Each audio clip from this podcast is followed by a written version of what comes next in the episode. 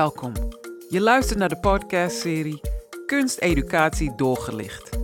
Ik ben Aminata Cairo, jouw host. In deze podcastserie nemen wij jullie, de luisteraars, mee in de wereld van kunsteducatief onderzoek.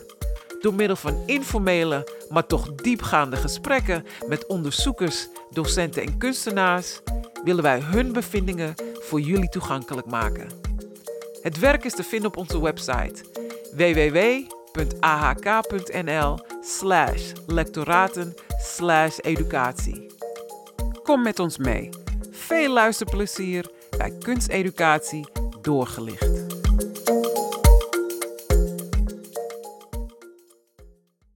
We hebben Nadie Grauman-Stichelaar bij ons. Zij is onze eerste gast, dus we zijn heel erg enthousiast. Yes. Nadie is zelf afgestudeerd in 2012 als theaterdocent en theatermaker van de Artes Theaterschool. En ze slaagde in 2017 voor haar master kunsteducatie in Amsterdam.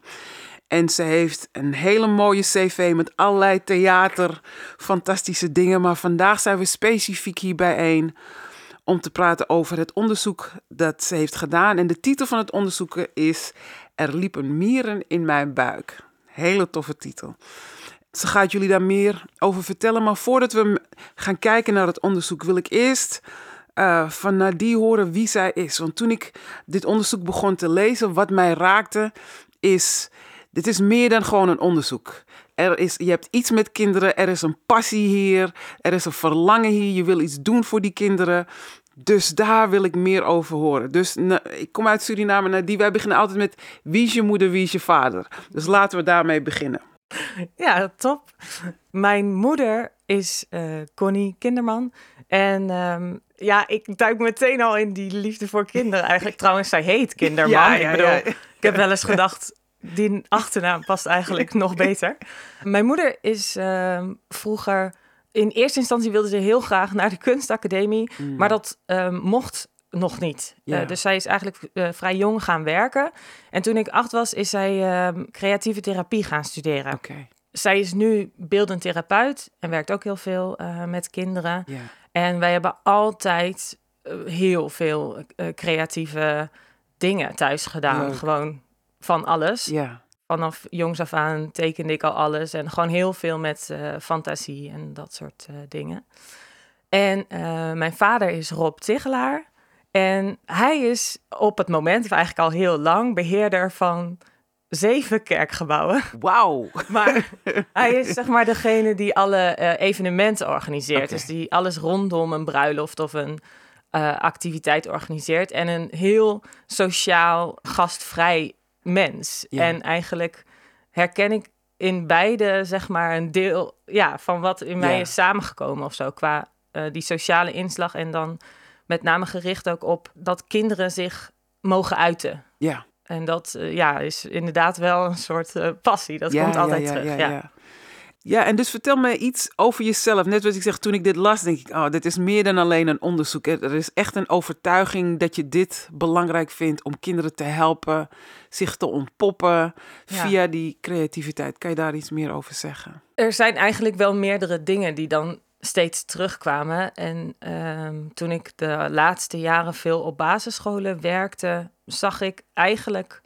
vanuit een volwassen kant, zeg maar, hoe bekrompen mm -hmm. er in een basisschool vaak wordt gedacht, omdat het heel veel gaat over goed en fout. En hè, jij doet het goed, jij doet het fout. En ja. als je het een beetje anders doet of anders denkt, dan past dat niet in het normale stramien of zo. En eigenlijk herinner ik me ook dat dat vroeger bijvoorbeeld bij mijn broertje ook zo was. Die kon bijvoorbeeld heel goed rekenen en die wist meteen het uh, eindpunt. Maar hij wist niet hoe hij daar gekomen was. En dat was ook niet door de normale staartdeling, bijvoorbeeld. Ja. Om maar even een voorbeeldje te ja. noemen. En dan was het toch niet goed. Ja. En sociaal gezien kon hij zich dan ook niet helemaal plaatsen, omdat hij juist te, vrij, te vrij dacht of zo uh, voor die basisschool.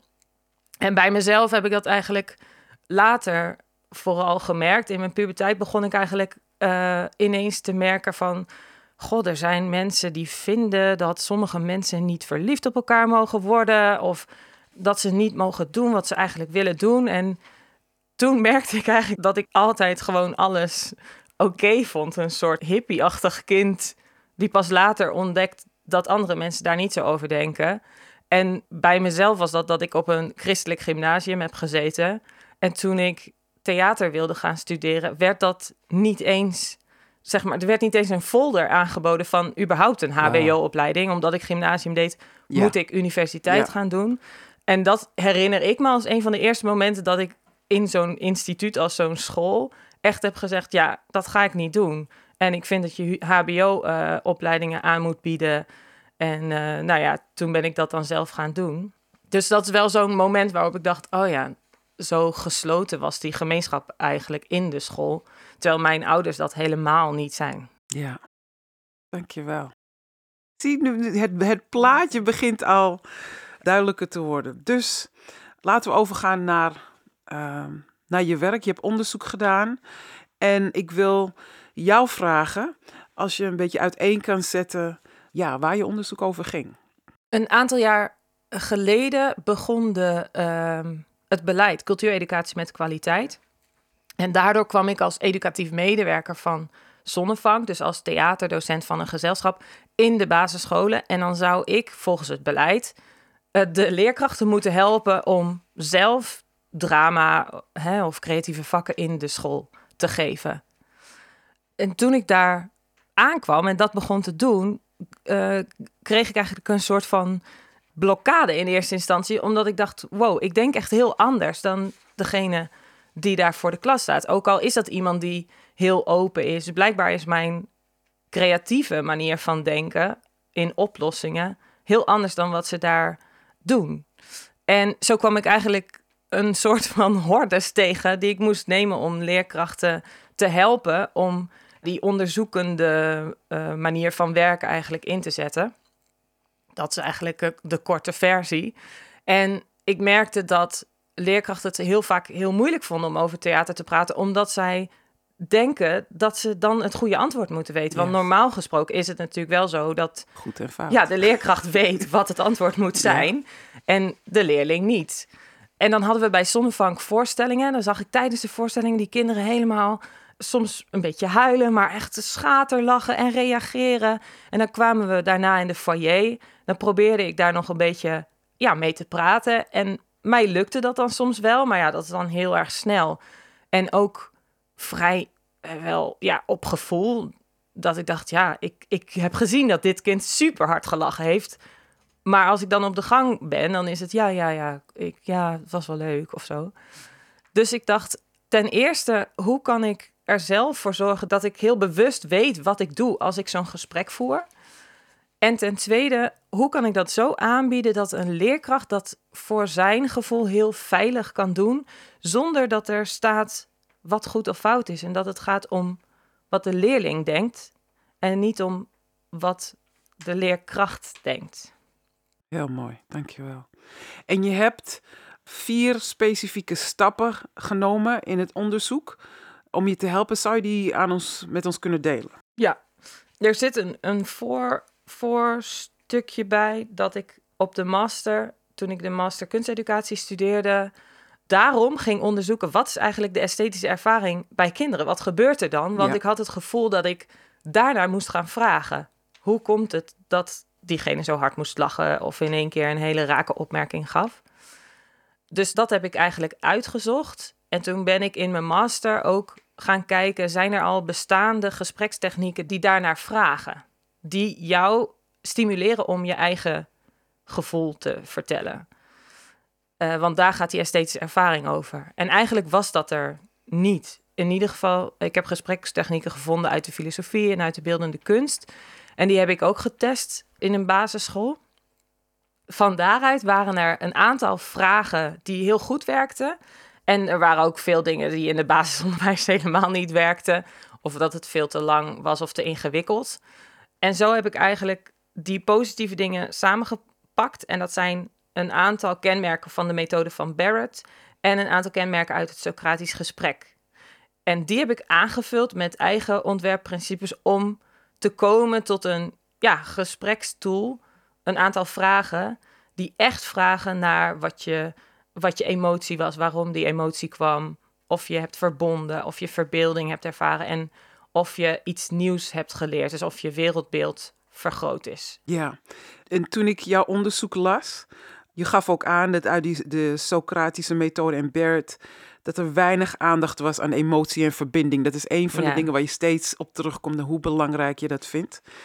En dus je uitgangspunt had je als de esthetische ervaring die bestaat uit de elementen emotie, verbeelding, verbinding en wereldbeeld.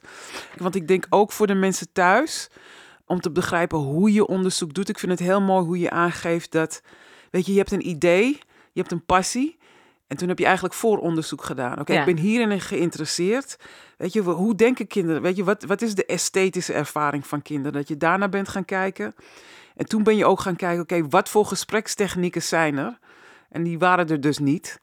Nee. En dus het mooie ervan is dan, oké, weet je, voor mensen die geïnteresseerd, geïn- geïnteresseerd zijn in onderzoek. Dus soms kijk je wat er is en soms zie je, oké, daar is dus een gat. Dus ik kan een onderzoek doen om toe te voegen aan dat gat in kennis. En dat is wat je dus hebt gedaan. Ja, dat klopt. Dus toen ontstond er een gedachte van... volgens mij moet ik gewoon rechtstreeks vragen naar die dingen. Zo concreet mogelijke vragen gebruiken... en rechtstreeks vragen naar wat heb je gevoeld. Dus in de eerste stap zijn daar ontwerpprincipes voor gevormd... en heb ik die vraagstelling gemaakt op gevoel... en die laten lezen door een expertpanel... waarvan één ja, docerend theatermaker en twee leerkrachten. Eén leerkracht uit de onderbouw en één leerkracht uit de bovenbouw. Nou zijn dat wel leerkrachten die al erg geïnteresseerd waren in cultuur... en een goed beeld hadden van wat cultuur met kinderen kan doen in het basisonderwijs. Die hebben alles gelezen en daar heb ik interviews mee gehouden... om te kijken of ik nog dingen moest veranderen. Nou heb ik sommige dingen wat gespecificeerd, zoals... ik vroeg eigenlijk, op wie lijk jij? Ja. en dat was best ik. wel een grote vraag. dus eh, nu werd het eh, op wie of wat uit de voorstelling lijk Ja. jij. Dus zo werd het iets duidelijker dat het over de voorstelling ging. En dan kan het gesprek later wel over andere dingen gaan Ja, vanuit het gevoel van de kinderen. Maar het begint altijd bij de voorstelling. Dat prototype eigenlijk, dat eh, hebben we in zes groepen in één school getest. En dat waren eh, groepen 1, 2, 5, 6, 7 en 8. Want in het eerste onderzoek had ik groep 3 en 4 al meegenomen. oké. Dus daar had ik wel een goed beeld van. Ja, En ehm, drie vakleerkrachten hebben die gesprekken gevoerd... naar aanleiding van een voorstelling van Theater Zonnevank... waar de kinderen geweest waren. En daarbij heb ik ook voor vakleerkrachten gekozen... omdat ik dacht, als ik dit nu gelijk met leerkrachten uitprobeer... dan zit er heel veel ruis van... stellen ze wel een open vraag... of eh, hebben ze eigenlijk niet door dat ze toch stiekem een mening geven... sorry dat ik je weer even onderbreek. Voor de mensen thuis, want er zullen ook misschien mensen zijn die niet eh, uit het onderwijs komen.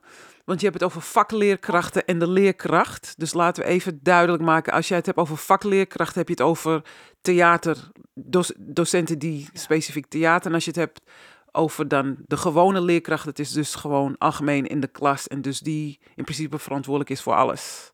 Ja, precies. En het verschil is ook heel erg dat PABO-leerkrachten, of hè, die komen van de PABO-leerkrachten, die moeten alles kunnen. Ja, En die kunnen dus van alles een beetje. En natuurlijk heb je waarschijnlijk je eigen talenten. specialisatie. Ja, Specialisaties, ja. En een vakleerkracht is inderdaad alleen gericht Juist. op bijvoorbeeld een theater. specialist, dus gewoon. Ja. ja. En daardoor dus ook bekwamer in het voeren van een gesprek over theater. Gewoon omdat ze het vaker hebben gedaan.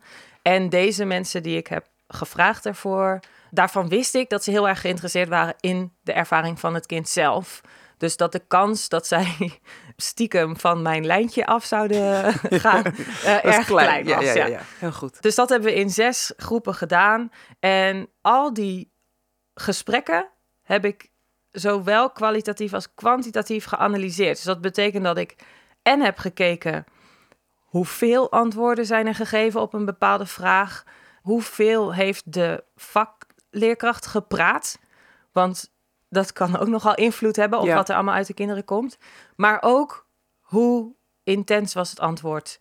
Dus als het moest gaan over emotie, heb ik een verschil gemaakt tussen, ja, ik vond het leuk, tot ik moest echt huilen van het lachen. Mhm. Om maar even te kijken of ja, die vraag dan prikkelt om echt te vertellen wat je Ja. hebt voelt. Dus zo heb ik dat super precies allemaal uitgewerkt en gekeken of die vragen werkten. En vooral ook hoe het doorvragen Ja. werkte. Want je kan wel een vraag stellen en dan is het antwoord klaar.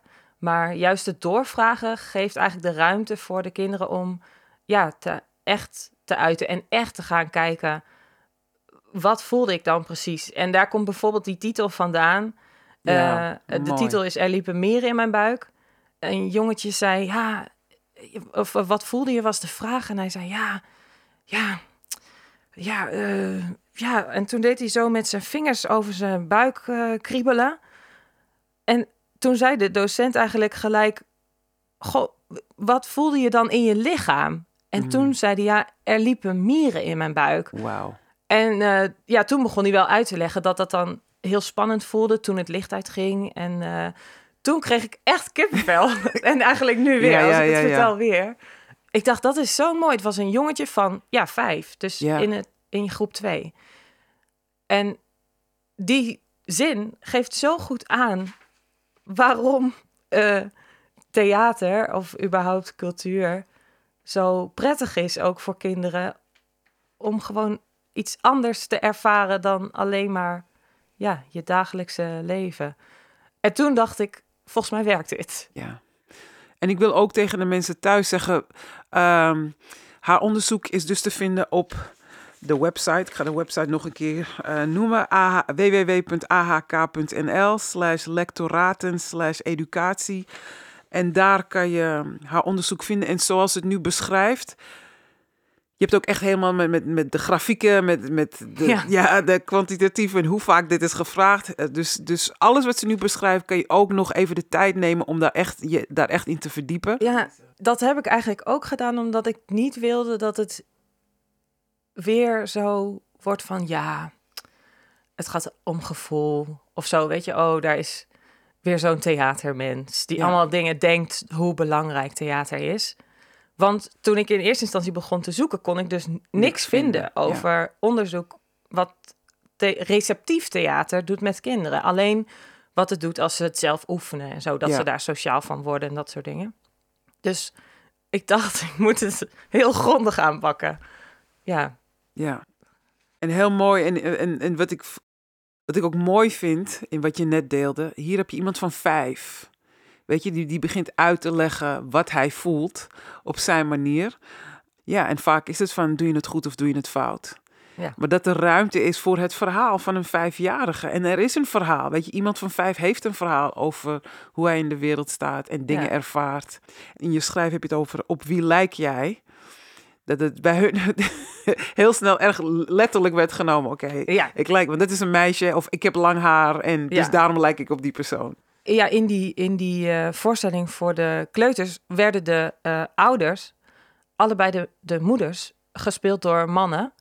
En ehm, ze keken helemaal niet naar. Het, is, het was gewoon de moeder. Dus Ja, ook in het gesprek dan kijken ze op die leeftijd helemaal nog niet naar wie is dat dan in het echt of hoe, hoe Ja. ziet hij eruit, maar meer nee, dat is de moeder, want ja, hij zorgde voor het kind en hij deed bemoedigend, dus ja, dus dat vond ik eigenlijk wel mooi. Dus het was wel, wel heel letterlijk van...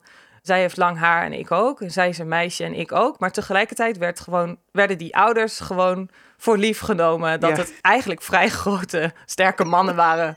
die eh, heel zorgzame gewoon moeders harige speelden. moeders. Ja, ja. Ja, wel, dat vond ik echt mooi, ja. Leuk.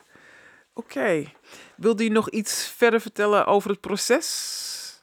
Of kunnen we Suzanne erbij? Ja, nou misschien is een goede overgang naar Suzanne dan wel. Dat zij eh, een van die eh, vakleerkrachten was. Dus zij heeft die gesprekken gevoerd. En ik heb nog wel naast mijn eigen analyse van de gesprekken ook interviews gehouden met de vakleerkrachten die het hebben uitgevoerd.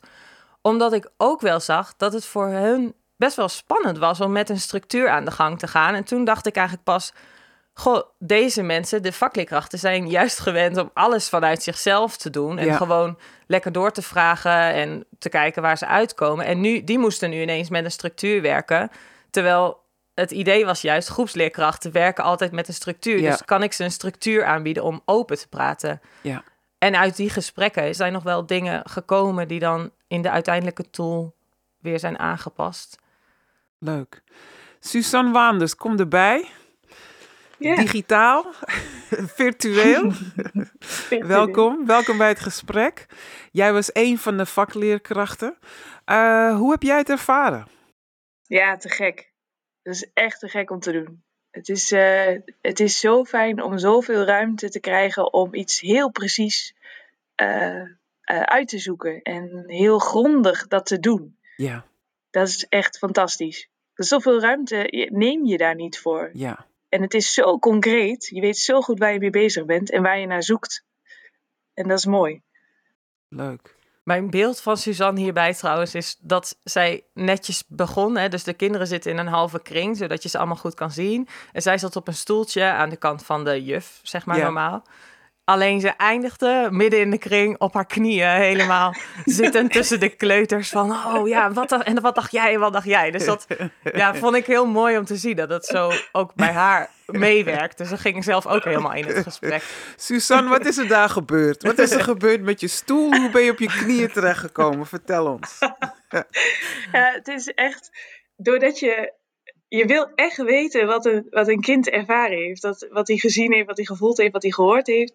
En ze hebben zoveel te vertellen. Het mooie is, is doordat ze heel interessante antwoorden geven. En doordat je, doordat je ook in de gaten houdt dat iedereen onderdeel is van het gesprek. Open je het ook iedere keer weer. Dus je wilt iedereen horen met zijn of haar beleving daarvan. En ruimte geven om een andere ingang te geven of, een, of juist hetzelfde te, wat ze hebben ervaren. Maar dan hebben ze een heel ander voorbeeld dat je denkt, oh, oh nou ik, ik ervaar dat helemaal niet als hetzelfde. Maar zij zien dat dan, er was een voorbeeld van iemand die, eh, die vertelde dat, ze, dat zijn opa was overleden. En eh, dat dat heel, heel verdrietig was en dat hij daar aan moest denken bij de voorstelling. En eh, toen kwam er iemand anders, ja, ik weet ook hoe dat voelt, want, want dat had ik ook toen mijn konijn overleed. Ja. En ik zat erbij. Ik dacht, wat? Oeps. En al die kinderen waren het ermee eens. Ja, nee, dat is Ja. net zo erg. Ja, ja. Ja, precies. Ze delen het gevoel. Maar Ja. En als je vier of vijf bent, dan is, is Ja. het net zo erg. Ja, ja. Ja, ja. Maar je, Dat vond ik heel mooi. Ja, heel mooi. En, dan- en dan moet je je ook inhouden om niet te zeggen, ja, maar... maar, maar precies. konijn, opa. Oké. Ja, maar dat is wel inderdaad wat je zegt. Je moet je inhouden. Dat is inderdaad omdat die restricties van die opdrachten zijn. Ja, Ga je dat ook doen? Ga Ja. je inderdaad inhouden en denken... Oh, maar vinden jullie dit inderdaad ook zo? Ja, ja, wij vinden dit ook zo. Oh. En als ik niet die restricties van, die, van, de, gesprekken, van de gespreksstoel had... Dan had ik die vraag nooit gesteld. Mm, Dan was ik er met mijn eigen gevoel en Ja. eigen idee ja. er tegen ingegaan. Maar je bent of bij ja, hun ik daar een gebleven. nuance aangebracht. Ja. Ja, Ja. ja. Nou ja, want de, de regel in deze tool is dat je eerst een grote vraag stelt, zeg maar, een hoofdvraag. Dan laat je één kind antwoorden. Ja. Dan laat je misschien dat kind weer dat antwoord een beetje verdiepen. En na dat antwoord vraag je aan iedereen of diegene hè, of anderen er ook iets over willen zeggen. Dus daardoor ga je automatisch inderdaad vragen: Goh, denken jullie ook zo erover? Of is er iemand die dat anders denkt? Eh, maar ja, in dit geval denken Ja. ze daar allemaal zo over. Ja. En mooi wat ik ook vond aan jouw onderzoek, want we hebben het nu over de kleuters, maar je hebt ook groep 5, 6, 7 en 8 Ja. gedaan. Dus je hebt echt een groot gezel. En, en Suzanne, jij hebt de kleuters gedaan. Heb je ook een andere groep gedaan of was jij alleen met de kleuters? Nou, het mooie is, is ik, ik, heb, ik heb overal eh, gesprekken mogen voeren. Dus ik, in het masteronderzoek eh, in groep 3, 4. En inderdaad bij de kleuters. En bij groep 5. En, Ja. Dus, Nee, bij groep 5. ja, Ja, want Suzanne deed ook inderdaad mee toen ik op de Oh. master zat aan mijn... Oké, je hebt er helemaal meegenomen. Ja. ja, ja. ja. Ze is ook helemaal hooked nu. Oké, Oké, nou Ja. vertel ons een beetje over, over dat verschil, Suzanne. Ja, het is grappig, want je hebt vooraf een idee dat het heel anders gaat werken in de verschillende groepen. Of dat eh, de tool bijvoorbeeld voor de een wel geschikt is en voor de ander niet. En dat is dus niet het geval. Mm, Het is voor beide, was het echt super, of voor alle groepen was het echt interessant. Ehm, en je ziet de doelgroep terug in de, de antwoorden die ze geven. Ehm, want ze kunnen zich allemaal verhouden tot de vragen. Alleen groep in groep 5 gaat het eh, over. Ja, die, die zijn langer op de wereld. En dat merk je. Dat hoor je in hun antwoorden en in de referenties die ze hebben, die ze, die ze erbij halen wanneer ze antwoord geven op een vraag. Ja. Ja, en wat je in het hele onderzoek ziet, zeg maar, dus andere docenten hebben bijvoorbeeld ook groep 8 erbij gedaan, is dat je ook die persoonlijke ontwikkeling heel erg terugziet. Dus in groep 4, 5, 6, in het midden, ja, ik vind het zelf echt de leukste doelgroep van de basisschool, maar goed, daar uh, zijn ze heel fantasierijk. Dus ze hebben en een idee over hoe de wereld zou moeten zijn, en ze hebben een groot fantasie, dus er zijn ook nog heel veel dingen die nog kunnen. Ja. In groep 7 uh, eh, zie je een soort van overgang van. Sommigen zijn nog heel erg fantasierijk en sommigen zijn al heel erg bezig met. Oh, vinden anderen mij, anderen mij niet raar? Hè? Moet ik nu hele slimme dingen zeggen? Of hou ik me vooral een beetje in? En in groep 8 is er echt wel meer sprake van groepsdruk. Dus daar ja. ging het ook heel, uh, een heel stuk meer over de waarheid vinden in die voorstelling. Was het wel of niet zo? Mm. En sommigen durfden daar nog heel persoonlijk te zijn. En sommigen die waren vooral ja, een beetje... Oh ja, ik ga vooral niet te veel over mijn emoties zeggen. Maar het wordt wel uitgedaagd dat ze erover denken. Dat vond ik er mooi aan. Maar de hele discussie gaat echt meer over... Hoe is het theater gemaakt? Klopt het verhaal? Ah. Dus dat, ja, ik vond dat eigenlijk heel mooi. Het werkt overal, maar de antwoorden zijn inderdaad echt anders. En er was één vraag die laatste vraag die jullie anders hebben gedaan. Kan je daar wat over zeggen? Ja. Dat is een vraag 6 die je had toegevoegd voor de eh, kleintjes. Ja, want het, eigenlijk is de laatste vraag: wat betekent de voorstelling voor jou? En dat is sowieso voor de kleinere kinderen heel erg moeilijk. Want eigenlijk in de ontwikkeling begin je ook pas vanaf zeven jaar ja. uh, dingen samen te vatten, ja. bijvoorbeeld. Dus toen hebben we ook gevraagd: vertel eens in één woord waar je aan denkt bij de voorstelling. En over het algemeen kosten die andere vier vragen al zoveel tijd dat dat niet eens echt nodig was. Maar op zich konden de kinderen in de onderbouw eigenlijk dat heel goed benoemen. Die hadden echt wel een woord over de voorstelling. En dat gaan ze juist in de bovenbouw. Gaan ze dan meer zeggen, ja, saai. Of uh, ja, en dan hebben ze een heel lang gesprek gevoerd. En dan ineens, ja, nou, ik vond het eigenlijk saai. Of uh, ja, leuk. Weet je wel? Mhm. Dus daar werkte eigenlijk zo'n korte vraag helemaal niet. Ja. En de vraag, wat betekent de voorstelling voor jou? Leverde juist antwoorden op van... ja, dat je moet doorzetten als iets tegen zit... en dat je alles kunt bereiken. Dus denk, okay. Samenvattend saai. Ja, ja, ja, ja, ja, ja, ja, precies. Ja. Totaal uh, tegenovergesteld ja. eigenlijk. Ja, omdat er ook weer mensen aan het kijken zijn. En ja, en ze ook echt een beetje meer de houding hebben van... oh, hier komt een nieuwe docent. Ik ga eventjes deze prikkelen. Zeg Ja, maar, ja, even ja. kijken wat hier gaat gebeuren. En dat doen ze in de onderbouw en de middenbouw helemaal niet. Ja. En um, Suzanne, Ja. jij werkt nu nog steeds met deze organisatie. Jij geeft nog steeds les. Yes. En um, dus wat, wat heb je van dit onderzoek? Wat, wat gebruik je daar nu nog steeds van? Het is heel erg dat je meeneemt dat er verschrikkelijk veel gebeurt met kinderen. En dat het heel interessant is om daarover te praten. Dus dat het, ja, ik probeer in alles leerkrachten uit te nodigen om dat te ontdekken en te ervaren. En voor mezelf is het dat ik, dat ik veel meer praat met kinderen over de Ah, voorstelling zelf. Geweldig. Op een andere manier. Ja. Want ja, eerder was het wel toch dat je, ja, je, je neigt toch snel naar om te vragen van, goh, en, hoe was het? ja, geef daar maar eens antwoord op. Ja, En dan blijf je toch een beetje hangen in een soort van, ja, eerste ervaring. ja, Wat ik wel, wat ik wel jammer vind is dat ik, want wanneer je uit de zaal komt, ja, die voorstelling moet even indalen. ja, Eh, dus het liefst zou je nadat ze de voorstelling hebben gezien, één of twee dagen later in die klas willen komen om het er met z'n te over te hebben. ja, Eh, want direct na de voorstelling, ja, dan ben je eigenlijk nog een beetje ja, overwhelmed. Ja. En weet je nog niet zo goed wat, wat het nou te betekenen heeft gehad. Of, ja, en dan, en als, je, als je weer naar huis loopt of je, ja, dan verwerk je die voorstelling of die ervaring. Dus dan kun je daar later nog iets, nog iets meer over vertellen. ja. Dus ik zou eigenlijk willen dat ik dat nog meer kan en mag doen. Maar eh, Nou, daarom zou het mooi zijn dat leerkrachten het zelf doen. ja. ja, ja. En, en je doelgroep was de gewone leerkracht om hun tools Ja. te geven. Dus je hebt nu het onderzoek gedaan, de tool ligt er. ehm, je, hebt, je hebt Suzanne als je sidekick. dus, hoe, dus hoe komt het nu bij de gewone leerkracht terecht? Ik hoop dat dat nu door dit soort dingen heel Ja. goed werkt.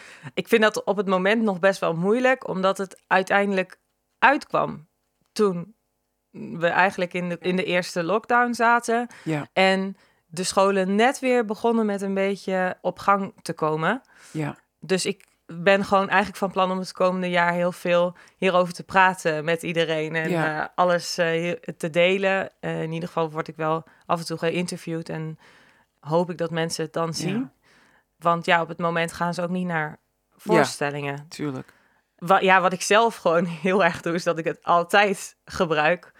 Ik werk nu bijvoorbeeld met ROC-studenten die eh, artiestopleiding doen. Ja, En om hen voor te bereiden op hoe kijk je nou eigenlijk? Hoe ga je educatie maken? Waar moet je rekening mee houden als je zelf een voorstelling maakt? Hoe, hoe kijkt het publiek? Ja, daar gebruik ik eigenlijk deze vragen ook Ja. de hele tijd voor. Ja, dus ik hoop dat ik dat gewoon het komende jaar wat kan stimuleren. En eh, de, het lectoraat is daar echt super in. Die helpt daar ontzettend bij.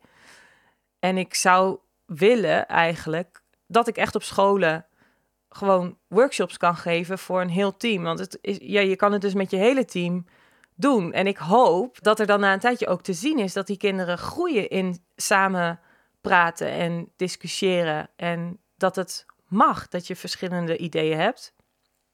Dus probeer een manier te zoeken om dat als Ja. een soort van workshops weg te zetten. Dat, ik, dat ja, scholen dat inderdaad met de hele school gaan doen. En dus misschien ook een idee dat, om te zeggen dat mensen je misschien kunnen vinden via het lectoraat. Ja, Kunnen je zeker. uitnodigen. Ook misschien een idee om te kijken hoe we bij Pabo's binnen kunnen komen. Om Ja. eh, vooral die docenten in opleiding om hun dit mee te geven als tool. Hebben jullie ook, en, en Suzanne, dit is ook, ook naar jou toe, hebben jullie ook gesprekken gevoerd met dus de gewone leerkrachten? Dus tussen de vakdocenten die hebben meegedaan en, en leerkrachten. Hebben jullie, is die uit, heeft die uitwisseling ook plaatsgevonden? Ja, ik zeg het wel, ja. ja, Eh, ja in het, eh, zeker in het eh, begin dus, bij de eerste prototype al. Ja, Ehm, en vooral ook vanwege ehm, ja, dat we in het werk van educatief medewerker toch vaak tegenkomen dat mensen denken geen tijd of het is Mhm. te duur of het is te moeilijk. En hoe kunnen we die drempel nou verlagen? Dus de docenten die we hebben gesproken, ehm, waarvan er eentje trouwens later ook het gesprek gezien heeft tijdens het Ja. onderzoek, eh, die zijn er heel erg enthousiast over. Dus eh, ja, ik hoop toch dat de, de school waar we dit onderzoek hebben uitgevoerd, ja dat die zo meteen zo'n training als eerste doet. Ja, Ja, dan merk je dat het toch eigenlijk allemaal wel meevalt. Dat ze denken, oh ja, dat is ook zo. Misschien is het gewoon een handige tool om ook te oefenen met een open manier van vragen stellen. En Suzanne, hoe, hoe is dat voor jou geweest, die uitwisseling met, eh, met gewone leerkrachten? Eh, volgens mij waren bij mijn gesprekken leerkrachten zelf niet aanwezig. Mhm.